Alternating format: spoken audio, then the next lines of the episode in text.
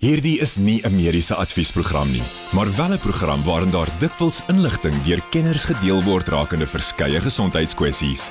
Vir persoonlike raad of advies, raadpleeg jou mediese dokter of sielkundige. Groot trauma op Groot FM 90.5. Baie welkom by vanaand se groot trauma. Ek is Pieter Kloete saam met dokter Jaco van die kerk. En dis nou tyd vir stories eh, op die mediese front wat nuus gemaak het en ons hoor 'n bietjie wat is dokter Jaco van die kerk se opinie hieroor.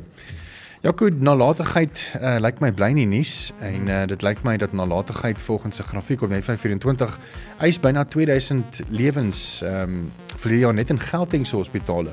Ja, wat is jou opinie hieroor? Kyk, is eintlik skrikwekkend. Ehm um, nalatigheid het hulle dan nou gesê het verlede jaar tot die dood van 1954 mense in staatshospitale in Gauteng gelei. Ehm um, en dit is in reaksie op 'n DA in die parlement se vraag oor hoeveel pasiënte oorlede is as gevolg van nalatigheid.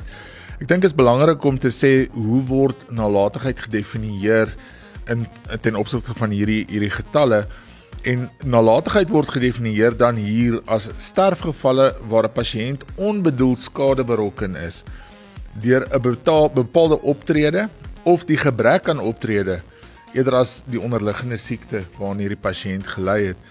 So dit kan wees dat weens weerhouding van behandeling of weens verkeerde behandeling. Wat skrikwekkend is eintlik is um ons het nou al gepraat oor hoe baie geld spandeer word aan regsgedinge mm. um en hoe baie van die van die begroting gebruik word vir uitbetalings. Maar as mens gaan kyk uit hierdie 1954 mense, is daar net 28 tugsake en daar's 31 sake wat vir bemiddeling verwys is.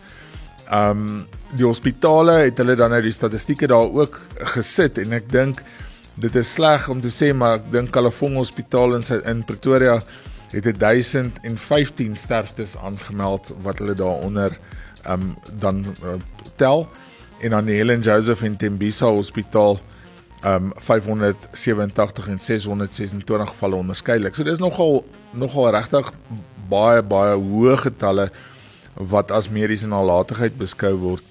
Um hospitale behoort plekke te wees waar mense gesond word um en nie waar skade berokken word nie. Ek sê dis altyd moeilik om te bepaal wat is die verskil tussen nalatigheid en 'n komplikasie. Hmm. Want nalatigheid dink ek is die gebrek aan aan sorg of dan obviously baie baie verkeerde behandeling maar na na komplikasies gebeur steeds en ek dink dit is baie moeilik om te onderskei tussen 'n komplikasie en nalatigheid baie keer en ek dink party van hierdie goed moet mense daarom ook sê kan potensieel net komplikasies ook wees. En dan ek sien ons het nou vlugtig um, laasweek gesels hier oor maar um, ek meen jy is in die hospitaal bedryf. Ehm um, hoe het beerdkrag julle geraak? En as mens as mens kyk na Chris Hani Hospitaal wat letterlik 3.5 miljoen rand moes ekstra opdok weens diesel vir beerdkrag. Ja, ek dink beerdkrag is ongelooflik sleg vir die hospitaalbedryf en mense sou dink dat eh, kom probeer om die hospitale of die blokke waar in hospitale geleë is nie um so swaar te tref met beerdkrag nie, maar selfs daar waar ek werk is beerdkrag en wat ons doen of wat ons in ons hospitaal het is dan 'n eerste en 'n tweede fase um kragopwekkingseenheid. So as die eerste fase val, moet daar nog 'n tweede fase wees. Die probleem is as beerdkrag dan nou in werking tree en daai generators of kragopwekkers moet nou aan die gang kom, ehm um, kos dit ongelukkig geld en dit maak dat reeds dierbehandeling baie duurder is. As mense in die staatssektor gaan kyk, ehm um, in 20 ehm um, 2020 het Chris Hani Baragwana Hospitaal maar 321 000 rand spandeer aan diesel. Dit het opgaan na 2.63 miljoen rand verlede jaar. En ons is nog nie eers deur deur die helfte van hierdie jaar nie of dalk net oor die helfte van hierdie jaar en ons staan al klaar op 3.4 miljoen. Hmm. Nou as jy 3.4 miljoen rand aan diesel alleen spandeer, daar kan soveel meer gedoen word met daai geld in terme van behandeling van pasiënte wat reeds um swaar kry omdat daar nie genoeg um toerusting en en dokters is en en genoeg geld is om hulle te behandel nie. Maar ek dink beerdkrag maak dat gesondheidsorg in ons land eintlik ongelooflik duur word. En daai diesel wat wat hulle nou hier van praat in Chris Hani Baragwana Hospitaal is eintlik net die diesel vir die noodkragopwekkers. Met ander woorde die elektiewe operasies, die goed wat bespreek is voor die tyd kan nie gedoen word nie, net noodgoed kan gedoen word. wat weer 'n verdere effek het op die pasiënte wat al reeds 'n lang wagtyd het vir elektiewe operasies. So ek dink dit dit benadeel eintlik net almal aan die einde van die dag. Net nou gaan ons gou kyk oor nog 'n nuwe storie oor kan te veel sout vir jou gesond wees of sleg wees. En dan het jy ook ingeskakel by vir finansiële onderwerpe bietjie later. Ons gesels bietjie oor hepatitis en dan ook babas wat in hulle slaap doodgaan en wat is normale stoelgang. Dit alles vir ons onderwerpe vanaand in groot trauma. Bly ingeskakel vir vrae vir Jaco aan die einde van die program as jy enige mediese vrae het 061 610 4576 Onthou standaard tariewe geld. Groot trauma met Pieter Kloete en dokter Jaco van die Kerk op Groot FM 90.5. Dis groot trauma en ons onderwerpe vanaand wat ons bietjie later gaan gesels oor is hoekom gaan babas baie keer in hulle slaap oor dood en uh, wat is normale stoelgang? En ons gaan ook bietjie vlug gesels oor hepatitis want môre is internasionale hepatitis bewusmakingsweek. Maar nou eers nog nuus op die mediese front. Groot trauma met Pieter Kloete en dokter Jaco van die Kerk op Groot FM 90.5. Ja, kom ons sluit die, die nuus af uh, vanaand met 'n storie op Netwerk 24 oor wat sê dat te veel sout kan uh, jare van jou lewe wegneem. Ja, Pieter, ek dink ehm um, dis dis een van daai stories van te veel van enige ding wat goed is is ook sleg. Hmm. Ehm um, dit is so as 'n mens te veel sout inneem of dit natriumkloried is, dan ehm um, sal 'n mens vogterughouding of waterretensie hê. Ehm um, mens sal hoë bloeddruk kan ontwikkel en dit word geassosieer met met sekere ehm um, kardiovaskulêre siektes. Ehm um, dit is iets wat mense nie moet vergeet nie is dat dat 'n mens moet sout ook inneem. Um, baie mense wat byvoorbeeld 'n natrium tekort ontwikkel, kan selfs de mekaar raak, hulle kan psigoties raak, hulle kan hulle kan regtig kritiek siek raak en in 'n intensiewe sorgeenheid opeindig. So aan die einde van die dag dink ek die die belangrike huis toe vat beginsel is eintlik maar om matig te gebruik. Oormatige soutinname definitief veral vir die hoë bloeddruk leiers of hipertensie leiers um is nie goed nie. Mens kan niers um siektes ook aanhelp deur te veel soutte in te neem maar definitief moet 'n mens ook nie glad nie sout inneem nie. Um ek dink die belangrike ding is matigheid voor oë. Nou ja. Dan uh, het ons ook 'n WhatsApp gekry van Jurina van ons hart gaan nogal uit na jou toe Jurina. Ons se vorige storie gewe was gewees oor die nalatigheid in Gauteng se hospitaal en ook reg oor die land. En sy sê my man is oorlede in 2019 in Kalafong as gevolg van nalatigheid. Hy het hom met 'n oop wond in 'n gewone saal gesit en het nie skoon gemaak nie. En dit is reg jammer om hierdie ehm um, te hoor. Jy weet baie keer lees mense in die nuus dan is dit so ver en Jaco tot dit ja. weet met iemand in jou naby geleedere gebeur, jy weet nee, dan raak dit baie persoonlik. En en 'n mens besef nie hoe maklik so iets gebeur nie. Jy weet 'n oop wond wat septies raak en die infeksie laat versprei na die stelsel toe. Mense kan 'n septiese skok gaan en septiese skok is een van die groot oorsake van van dood en ek dink definitief dit is ehm um, dis baie hartseer om te sien dat mense in hierdie tyd en era nog van infeksies doodgaan. Net nog selfs oor hepatitis en dan ook oor babas wat in hulle slaap doodgaan en wat is normale stoelgang? Groot trauma met Pieter Kloete en dokter Jaco van die Kerk op Groot FM 90.5. As jy 'n mediese vraag het, vra vir Jaco aan die einde van die program 061 610 4576 onthou standaard tariewe geld. Hierdie is nie 'n mediese adviesprogram nie, maar wel 'n program waarin daar dikwels inligting deur kenners gedeel word rakende verskeie gesondheidskwessies. Vir persoonlike raad of advies, raadpleeg jou mediese dokter of sielkundige. Groot trauma met Pieter Kloete en dokter Jaco van die Kerk op Groot FM 90.5.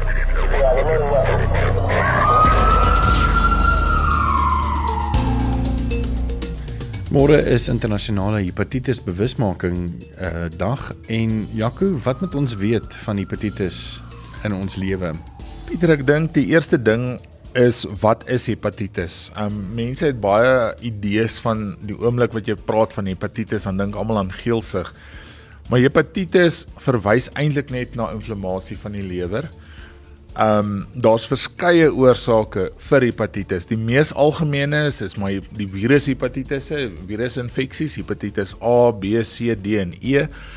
Hepatitis A presenteer gewoonlik as 'n as 'n gastroenteritis, met ander woorde die pasiënte het naruitbraking by uh, krampe, pyne en diarree. Ehm um, maar dan kry jy ook jou hepatitis B en C wat bloed oorgedra is of seksueel oordraagbare siektes is ehm um, hepatitis D en E wat baie baie rarer is as as die ander twee. Maar boonbehalwe die virus hepatitis moet ons onthou bakterieë kan ook hepatitis gee. As mens veral 'n 'n 'n lewerabses kry. Parasiete soos amoeba, eh, een van die een van die eensellige organismes kan vir mense hepatitis gee. Maar dan staan die ongelukkige mense, die genetiese hepatitisse, ehm um, genetiese outoimmune hepatitisse waar jou eie immuunstelsel eintlik jou lewer aantas um, jou alkoholiese hepatitisse en dan jou geneesmiddel geïndiseerde hepatitisse. Ek dink aan baie van die van die geneesmiddels wat jou dokter vir jou sal voorskryf, maar sê ons doen 'n lewerfunksie nou en ons doen 'n lewerfunksie na die eerste 2 weke of 'n maand van behandeling laat ons kan kyk dat jou lewer nie seer kry nie. Want die enigste manier om uit um, geneesmiddels uit te skei is uit die aard van die saak deur jou niere of jou lewer en ehm um, die lewer kan baie keer seer kry. So daar's baie oorsake van hepatitis. As mens gaan kyk na die die algemene simptome is dit maar geelsig soos wat meeste mense ehm um, weet, die die wit van die oë wat geel word en die vel wat geel word. 'n swak eetlus, naait en braaking soos ons gesê het, buikpynne, diarree, moegheid. Ehm um, en dan moet 'n mens ook gaan onderskei in in hoe is die ehm um, 'n uh, uh, behandeling daarvan en die prognose van hepatitis. Jy kry akute hepatitis, met ander woorde, 'n hepatitis A wat jy nou kry, gaan soos 'n gastro oor. 80 tot 90% van mense sal 'n normale verloop hê en hulle sal gesond word. As jy fulminerende hepatitis kry, met ander woorde, dit is 'n baie aggressiewe, baie vinnig verlopende hepatitis, dan is die mortaliteit of die sterftesyfer tot 80%. So 8 uit 10 oh. mense kan doodgaan. So Hepatitis is so wye siekte waar jy van amper 100% um herstelsyfer tot 'n 80% sterftesyfer kan gaan afhangend van watter tipe mens kry en ook afhangend van wat is die verloop daarvan. Uit die aard van die saak 'n groot klomp van die hepatitisse word um kan voorkom word met inentings en die behandeling van die hepatitisse varieer natuurlik dramaties. Kry mense inenting vir hepatitis as jy weet soos ons wat nou jonk was uh, of moet jy spesifiek gaan vir so iets?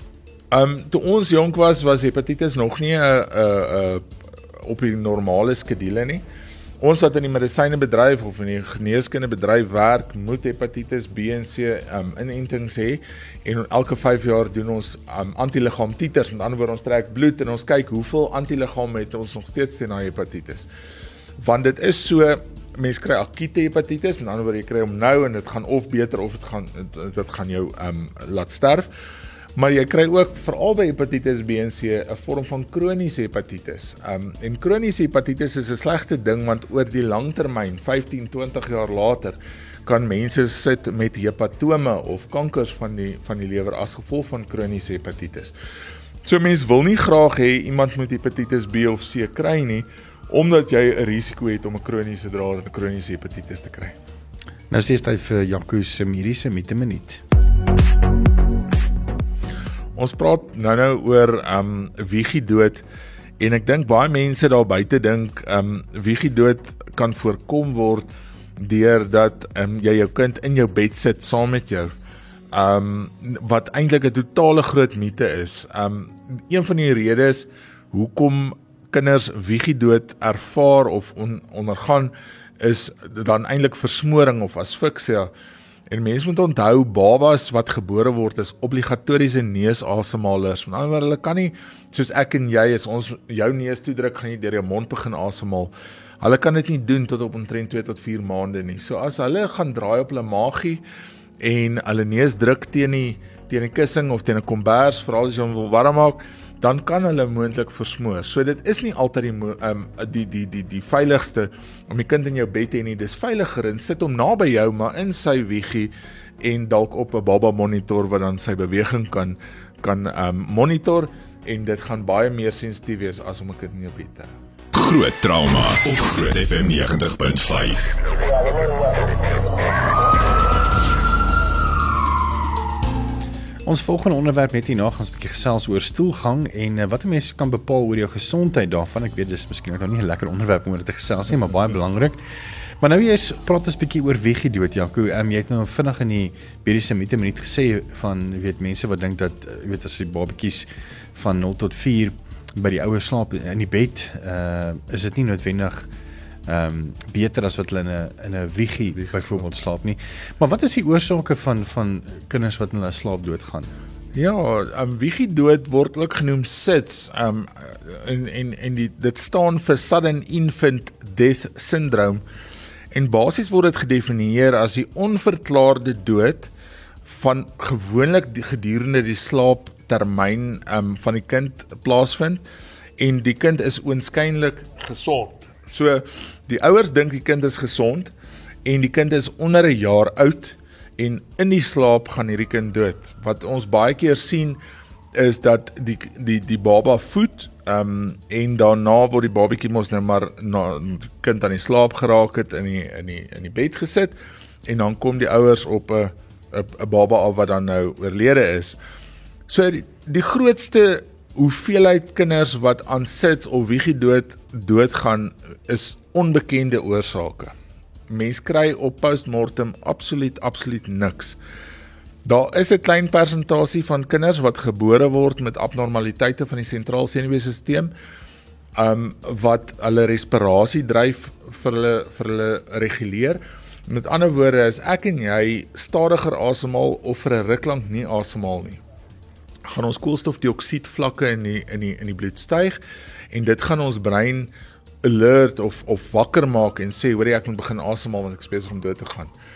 En baie van hierdie kinders wat aan wiegie dood sterf, het nie hierdie hierdie refleks nie.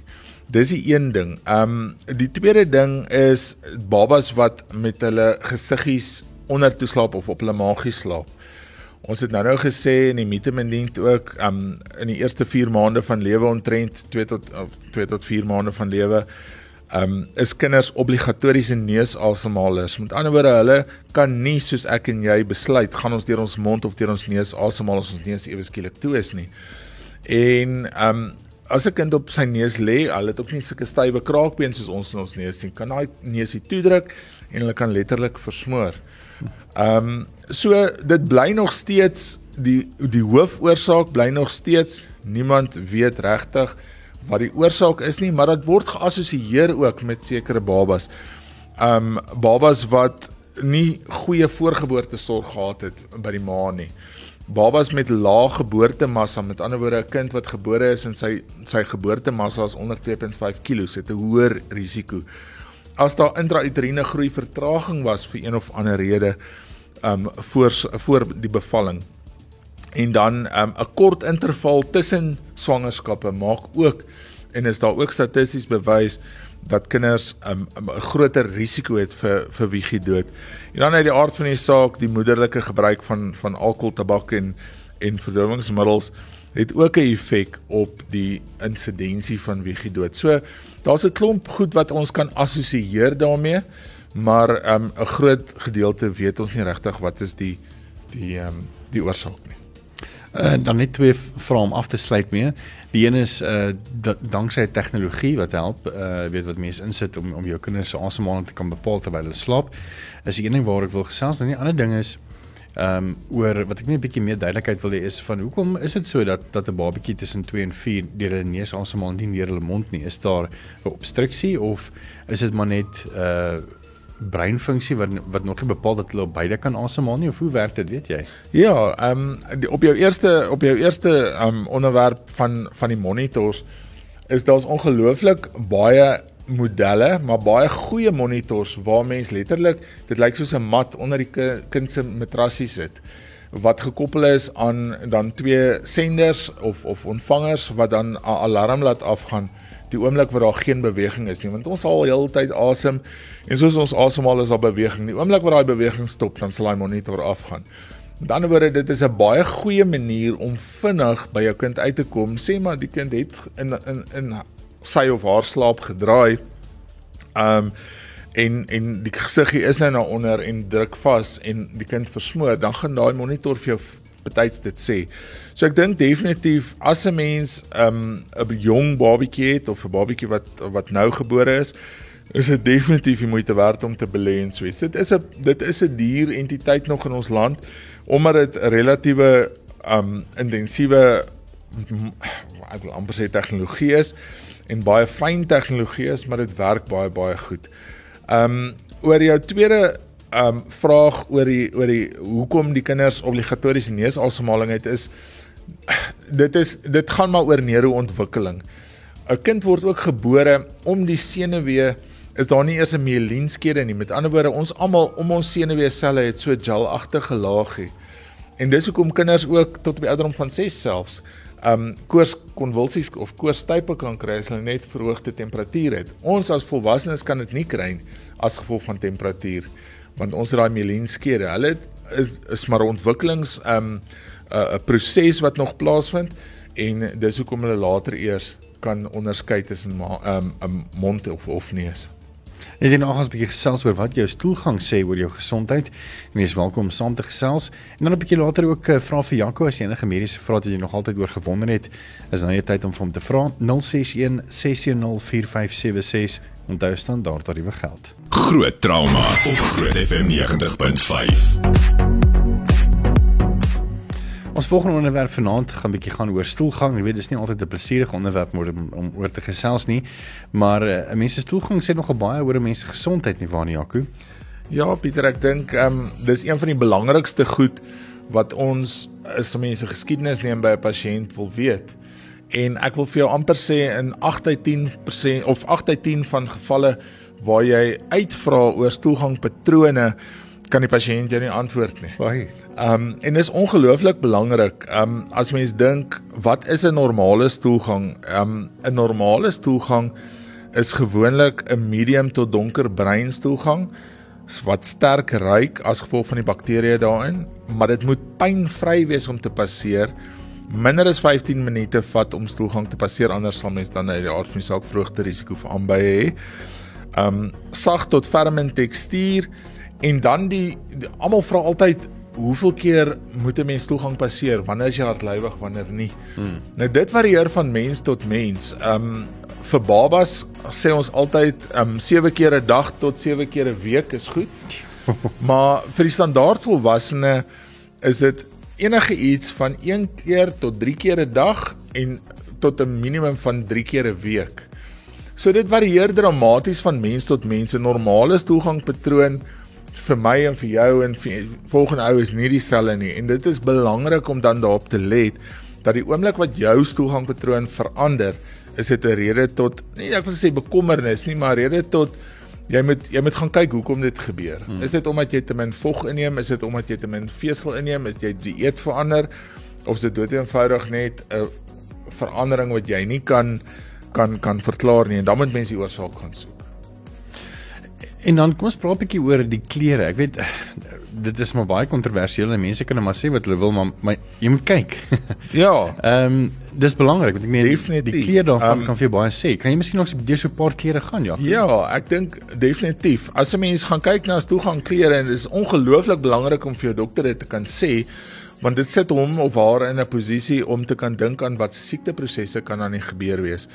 Ehm um, as jy byvoorbeeld dink aan swart stoelgange, ehm um, wat baie keer so teeragtige substans of konsistensie het, dan dink mense aan 'n gastro-intestinale bloeding.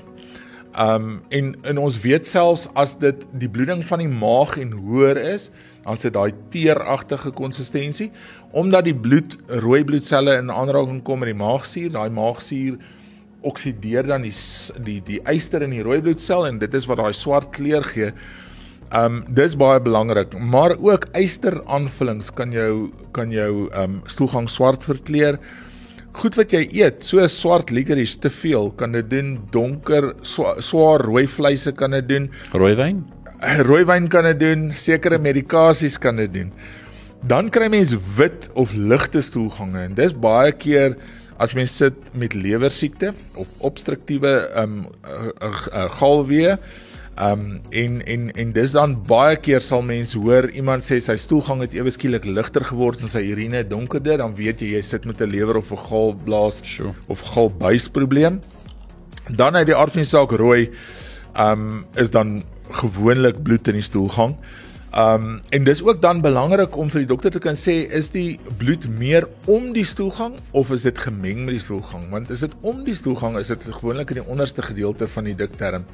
Waar as dit gemeng is, kan dit uit die dun darm of die boonste gedeelte van die dikdarm kom. So dit maak 'n oh. verskil vir ons om te gaan soek waar is die probleem. Maar dan kry mense ook simpel oorsake vir rooi stoelgang en dit is goed soos om beet te eet, um te veel tomatiese is en daai daai klas van dinge kan 'n mens se stoelgang ook rooi verander en dit is dan nou nie aard aardse saak bloed nie. Oranje stoelgange, dit hoor jy baie ook en dit is gewoonlik 'n pigment met naam beta-karoteen wat dit veroorsaak. Um en dit is die ouens wat so band in die in die patats eet, hulle kan maar gaan kyk, hulle stoelgang word lig oranje. En dan uit die aard van die saak, jy baie lief is vir wortels, dan gaan mm -hmm. ook oranje wees. Maar geblokte galbuise kan ook en sekere medikasies kan vir jou oranje stoelgang gee. Daar's nie ehm um, die tuberkulose leiers wat met rifampicin behandel word, sal vir jou sê hulle terwyl hulle op rifampicin antibiotika is, uh, is hulle stoelgang ook oranje. Geel stoelgange ehm um, is gewoonlik en en ligte geel stoelgange wat veral dryf is gewoonlik ehm um, wat ons praat van steatoree is verhoogde vetinhoud en dit het uit die aard van die saak ook 'n abnormaliteit in jou lewermetabolisme. So mense gaan definitief 'n groot groot um klomp inligting kan kry deur net na die kleur van jou stoelgang te kyk en dit gaan jou dokter baie help om jou siekteproses meer gerig te hou. Onthou daar's soveel organe en strukture in die buik dat 'n gewone buikpyn met 'n abnormale stoelgang kan duisende goed wees en 'n hmm. mens moet probeer om 'n diferensiële diagnose daar te stel of moontlike potensiële meer algemene oorsake en daaruit te gaan elimineer. En ek dink dit is een van die belangrikste belangrikste goed wat 'n mens vir jou dokter kan kan sê. Ek dink ook wat wat mense ook vergeet is baie keer die belangrikheid van uh, jy weet die bakterieë in 'n mens se stoelgang. Ek weet dat uh, die ouens wat ehm um, wat samples gevat het in Val Kaapstad by die rioolwerke kan bepaal hoe gesond 'n uh, 'n stelsel of 'n gemeenskap is en natuurlik het hulle ook bepaal oor die konsentrasie van COVID uh, ja persone. Ja, ek dink mense mense kan baie dinge leer uit stoelgang evaluasies uit. Um in terme van um die vetinhoud, die uh, bilirubin en irubilinogeen wat eintlik twee ensieme is wat van die van die lewer afkom wat eintlik die breinkleur aan 'n stoelgang gee.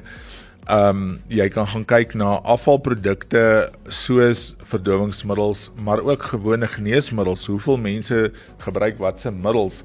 Ehm um, en en en op grond daarvan kan jy eintlik na die na die gesondheid van omgewing gaan kyk. Ehm um, maar mense wonder ook wat veroorsaak abnormale stoelgang en simpel goed so stres kan maak dat kos vinniger deur die darmkanaal beweeg en dit kan vir jou diarree gee almal weet wat al slegte eksamen geskryf het wat jy baie oor stres jy's meer op die, in die badkamer as wat jy agter die boeke is waarskynlik. Dehydrasie kan maak dat 'n mens ehm um, hartlywigheid ervaar goed soos ehm um, kafeïen wat te veel gebruik word, alkohol wat te veel gebruik word, is eintlik 'n vorm van dehydrasie. Um obviously jou dieet het 'n groot effek daarop jou jou veselinname. Ehm um, maar ook sommige allergieë en intoleransies, almal weet van gluten, laktose, ehm um, intoleransie. Maar dit gaan gewoonlik geassosieer dan met een of ander siekte van die darmkanaal. Ehm um, daar's mediese toestande, selfs depressieleiers het baie keer 'n stoelgangpatroon verandering. Uit die aard van die saak ons almal weet van die kankers waaroor ons bekommerd is, inflammatoriese darmkanaal siektes soos Crohn siekte of ulseratiewe kolitis. Ehm um, maar ja, daar's daar's 'n groot aantal redes ook vir abnormale stoelgang. So as jy abnormale stoelgang het, dink ek is definitief 'n goeie idee om by 'n dokter uit te kom om uit te vind wat is die oorsaak daarvan, want dit kan wees van 'n simpel ding so stres tot 'n baie ernstige ding soos 'n potensiële kanker. En en en kolonkankers is 'n baie baie ehm um, skelm ding.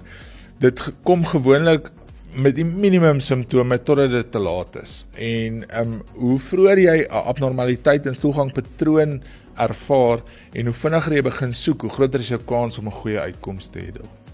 Hoe kan 'n mens sorg vir 'n gesonde spysverteringskanaal? Ek meen ek weet dat uh, weet baie van jou jogurt het mos goeie bakterieë in.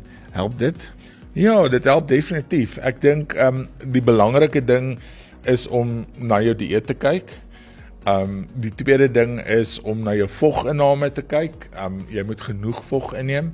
Die derde ding is maar om gesonde um, aanvullings te kan gebruik soos um, jy weet intestinale flora aanvullings. Daar's 'n paar van hulle op die mark of honderde eintlik van hulle op die mark. Um, en en party werk goed vir party mense en vir ander mense glad nie. So mense mense moet nie regtig jouself blind staar aan een spesifieke maak noodwendig nie, maar dit is definitief 'n goeie beginsel. En mense moenie vergeet van oefening en streshanteringsvaardighede nie, want oefening maak dat alle sisteme in die liggaam of matige oefeninge, um alle sisteme in die liggaam ordentlik werk en so ook jou darmkanaal. Mens moet gaan kyk na jou emosionele welstand. Ons het nou gesê stres is een van die oorsake mm. vir vir diarree. Um en en ek dink as 'n mens na al daai hele globale ons praat van 'n biopsigososiale eenheid gaan kyk, jou jou psigiese, jou fisiese um en dit wat jy inneem, dan gaan jy 'n gesonde darmkanaal funksie. Nou ja. Ehm um, dis dit dan vir vir jou spysverteringskanaal en ehm um, en dan goeters. Hier's 'n boodskap wat deurgekom het van uh, iemand wat vra ehm um, ek was hard of ha hartlik of hartlywig seker net maar en het gebloei toe doen hulle bloedtoetse en sien my skildklier is onaktief en moet nou vir thyroid scan ook gaan. So wys jou dat weet mense stoelgang nogal baie vir jou kan sê, Jaco. Ja, ek meen eh, eh, 'n ding soos 'n skildklier of 'n tiroïed ehm um, maak tiroksien wat een van die ensiem of hormone is wat 'n mens se metabolisme dryf. So as jou 'n skildklier onaktief of onderaktief is, dan sal mens goed kry soos hare wat uitval, vel wat droog is, depressiewe gevoel, kroniese moegheid, gewigstoename, um stoelgangpatroon abnormaliteite soos um, hartlywigheid. En hartlywigheid is een van die algemeenste oorsake van van liesbreuke en en naaltjiebreuke. Dit is een van die algemeenste oorsake van um hemorrhoids of of of of ambye wat dan uit die aard van die saak bloei. So mense, dis wat ek nou net sê, mense moet daar's soveel duisende oorsake, maar 'n mens moet gaan soek watter een vir daai betrokke persoon die probleem is. Dis dan vir finansiële groot trauma. Ek sluit af met iemand wat vra, kan jy dalk eendag 'n bietjie meer oor monkeypox? Dis nou aappokke gesels. En ehm um, ons het al van tevore dit dokter Jaco van die kerk uh, gesels oor aappokke, wat dit is en hoe dit uh, oordraagbaar is en die mites daar rondom. So gaan loer gerus op ons podcast op ons webblad grootfm.co.za en dan podcasts, dan groot trauma en scroll af daarso en jy sal hom daarso sien. Dan kan jy sommer weer gaan luister en uh, deel met jou vriende as jy sou wou. Ehm um, dis dit vir vanaand se groot trauma. Dankie dokter Jaco van die kerk, uh, direkteur van die Med 24 se se trauma eenheid daar in uh, Montana en ook sy eie praktyk. En ons is volgende week uh, weer saam. Groot trauma met Pieter Kloete en dokter Jaco van die kerk op Groot FM 90.5.